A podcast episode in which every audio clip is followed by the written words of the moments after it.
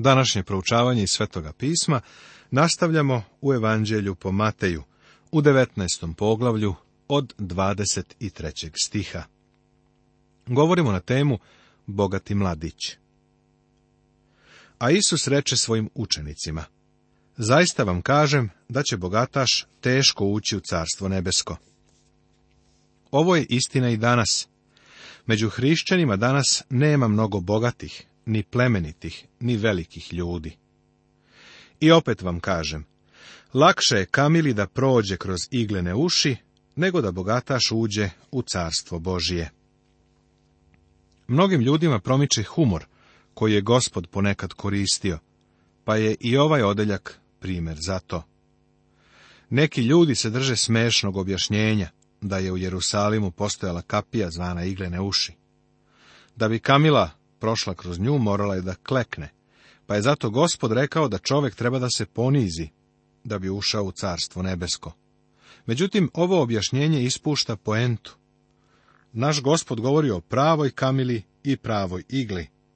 Prijatelju, da ti postavim jasno pitanje, da li je moguće da prava kamila prođe kroz uši prave male igle? Mislim da ti je odgovor poznat, neće uspeti. To je nemoguće ali da li bi gospodu uspelo da provuče Kamilu kroz iglene uši? Pa, gospod to ne radi, ali mogao bi. A samo Bog može da obnovi čoveka. O tome gospod ovde govori. Lakše je Kamili da prođe kroz iglene uši nego bogatašu da uđe u carstvo nebesko. On nikada neće ući radi svoga bogatstva.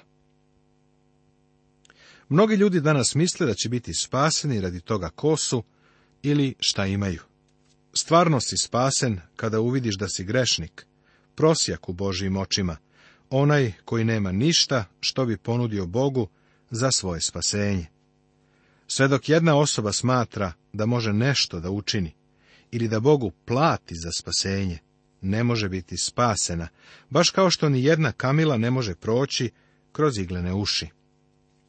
A učenici čuvši, uplašiše se jako i rekoše, ko onda može da se spase. Poslušaj Isusov odgovor. Isus ih pogleda i reče im, ljudima je ovo nemogućno, ali je Bogu sve mogućno. Ovo je objašnjenje. Bilo ko da je u pitanju, bez obzira na to ko si. Kandidat za spasenje ako shvatiš da nemaš ništa što bi Bogu ponudio, osim da mu dođeš kao prosjak sa praznim rukama.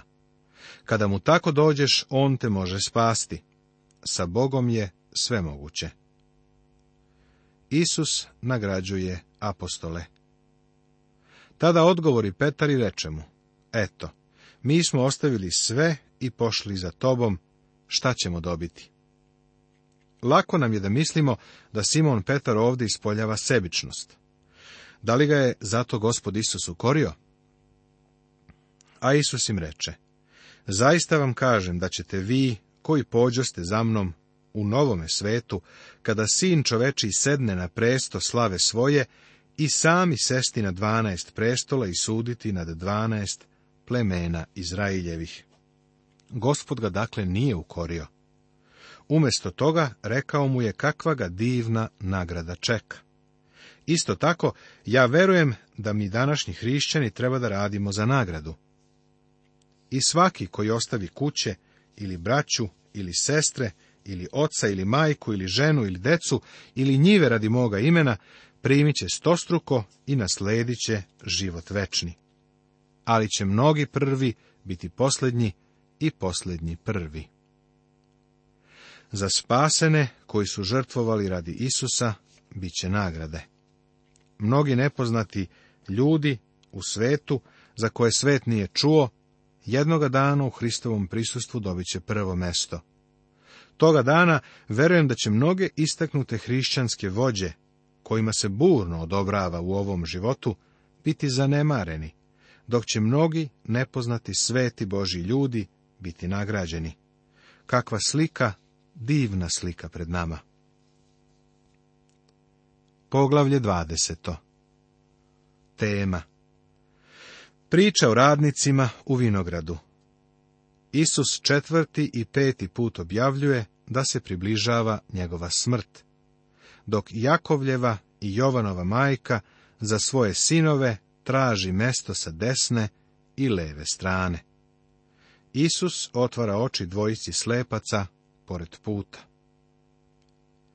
Ovo poglavlje započinje pričom o radnicima u vinogradu. Ovo je nastavak, jer je priča započeta u prethodnom poglavlju, kada je Isus davao opasku o nagradama. Ovo poglavlje privodi kraju deo koji kao da obeležava vreme u razvoju događaja u Matejevom evanđelju. Od ovog poglavlja nadalje tempo u ovom evanđelju se povećava i Gospod se upućuje pravo ka krstu. Ovo poglavlje također daje značajan doprinos popunjavanju nekih nejasnih delova sadašnjeg stanja nebeskog carstva. Princip za davanje nagrade je izrečen u ovoj priči. Odanost zadatku, a ne količina urađenog posla ili neobičnost i efektna priroda posla vodi ka nagradi. Priča o radnicima u vinogradu jer carstvo nebesko je slično čoveku domaćinu, koji iziđe rano ujutro da najmi radnike u svoj vinograd. Ova priča je tesno povezana sa prethodnim poglavljem. Matej u 19. poglavlju 30. stihu kaže, ali će mnogi prvi biti posljednji i posljednji prvi. Matej 20.16 kaže, tako će posljednji biti prvi i prvi posljednji. Tako vidiš da i na početku i na kraju ove priče koncept o tome da posljednji postaje prvi, a prvi posljednji, formira neku vrstu umetnute rečenice.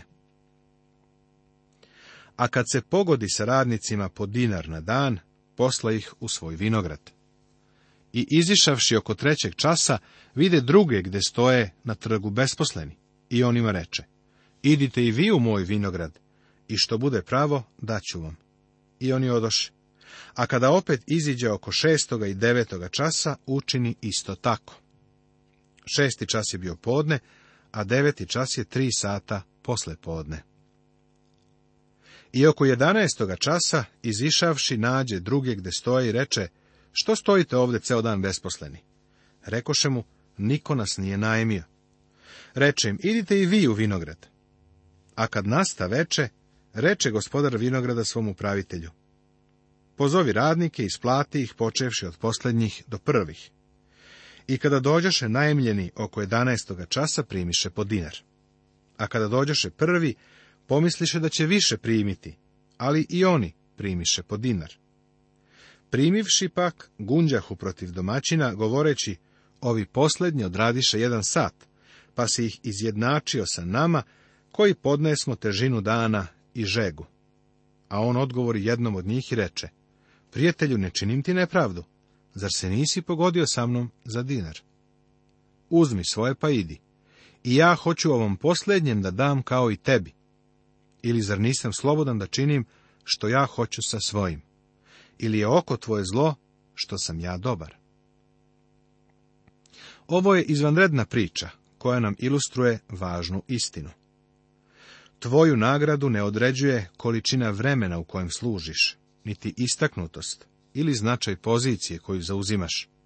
Umjesto toga, bit ćeš nagrađen za svoju vernost zadatku koji ti je Bog dao da obavljaš, bez obzira na to koliko ti se on čini malim ili beznačajnim. Uvek sam razmišljao o tome kako će gospod nagraditi neku dragu sestru koja je možda bila član moje crkve Okrenut ću se članu moga tima i zapitaću, da li je poznaješ? A on će reći, nikada nisam čuo za nju. Nije pevala u horu, nije bila predsjednik nekog društva, nikad nije podučavala na veronauci. Ta žena nije ništa radila, a pogledaj kako je samo gospod nagrađuje. Verovatno ćemo saznati da je ova draga žena bila udovica sa malim sinom. Nikada nije govorila pred hiljadama ljudi, poput nekih evangelista i propovednika, ali je verno, odgajala svog mališana. A on je onda postao misionar koji je služio Bogu u nekoj stranoj zemlji. Udovica je bila verna zadatku koji joj je Bog poverio.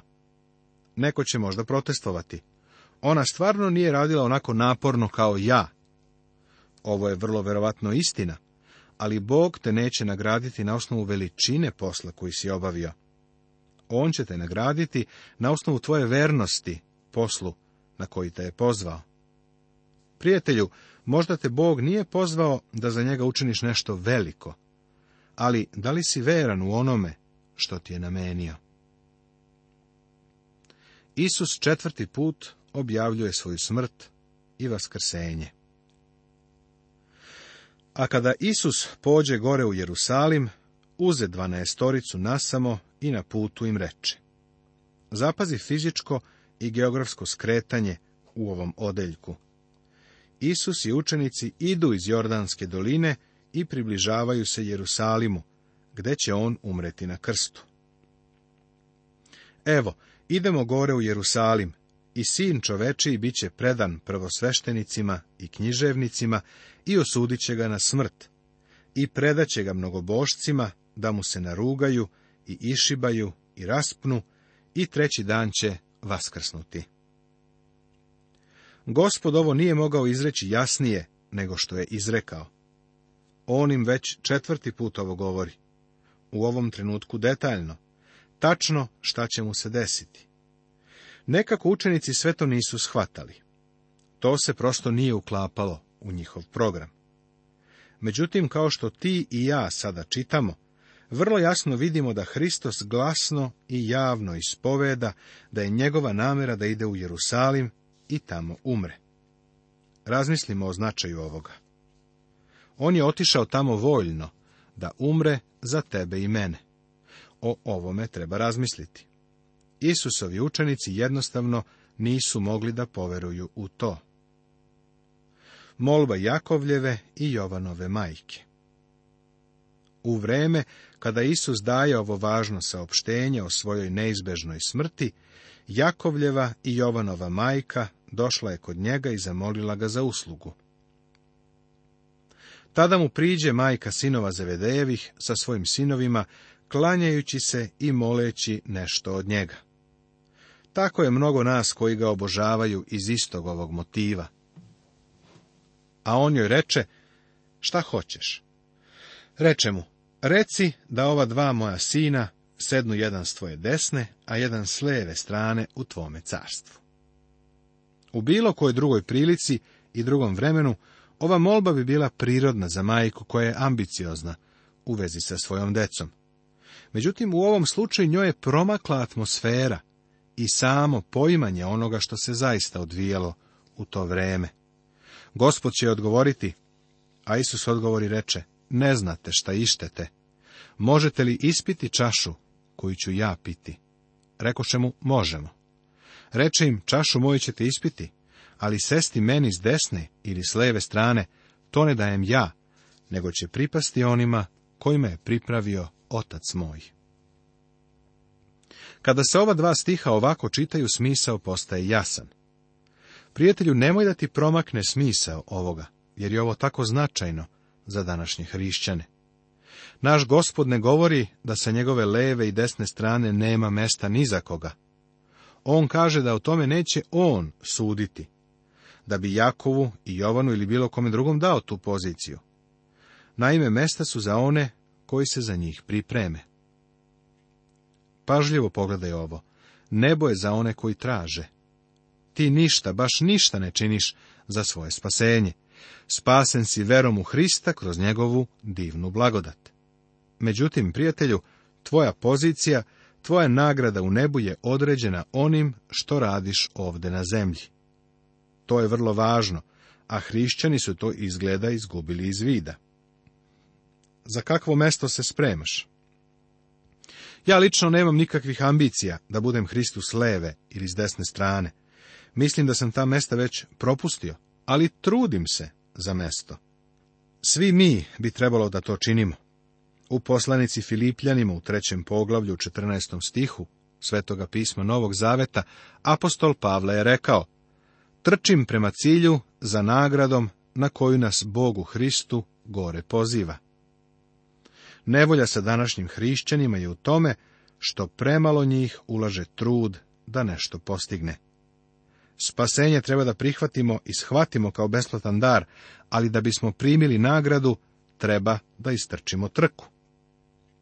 I čuvši, desetorica rasrdiše se na dva brata. Da li znaš zašto su bili ozlojeđeni? Zato što su oni želeli ta mesta sa Isusove desne i leve strane. A Isus ih dozva i reče, Znate da vladari naroda gospodare nad njima i velikaši ih tlače. Među vama da ne bude tako, nego koji hoće među vama da bude velik, neka vam služi i koji hoće da bude među vama prvi, neka vam bude sluga.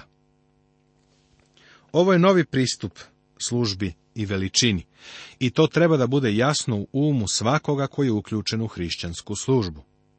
Prijatelju, ako želiš da pevaš za gospoda, molim te, trudi se da ne gaziš preko svih ostalih solista.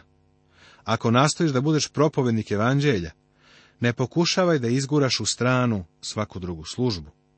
Ako hoćeš da budeš službenik u crkvi, ne čini to na račun nekog drugog. Naš gospod vrlo jasno govori da način na koji se postaje veliki i način na koji se njemu služi je taj da se zauzme najniže mesto.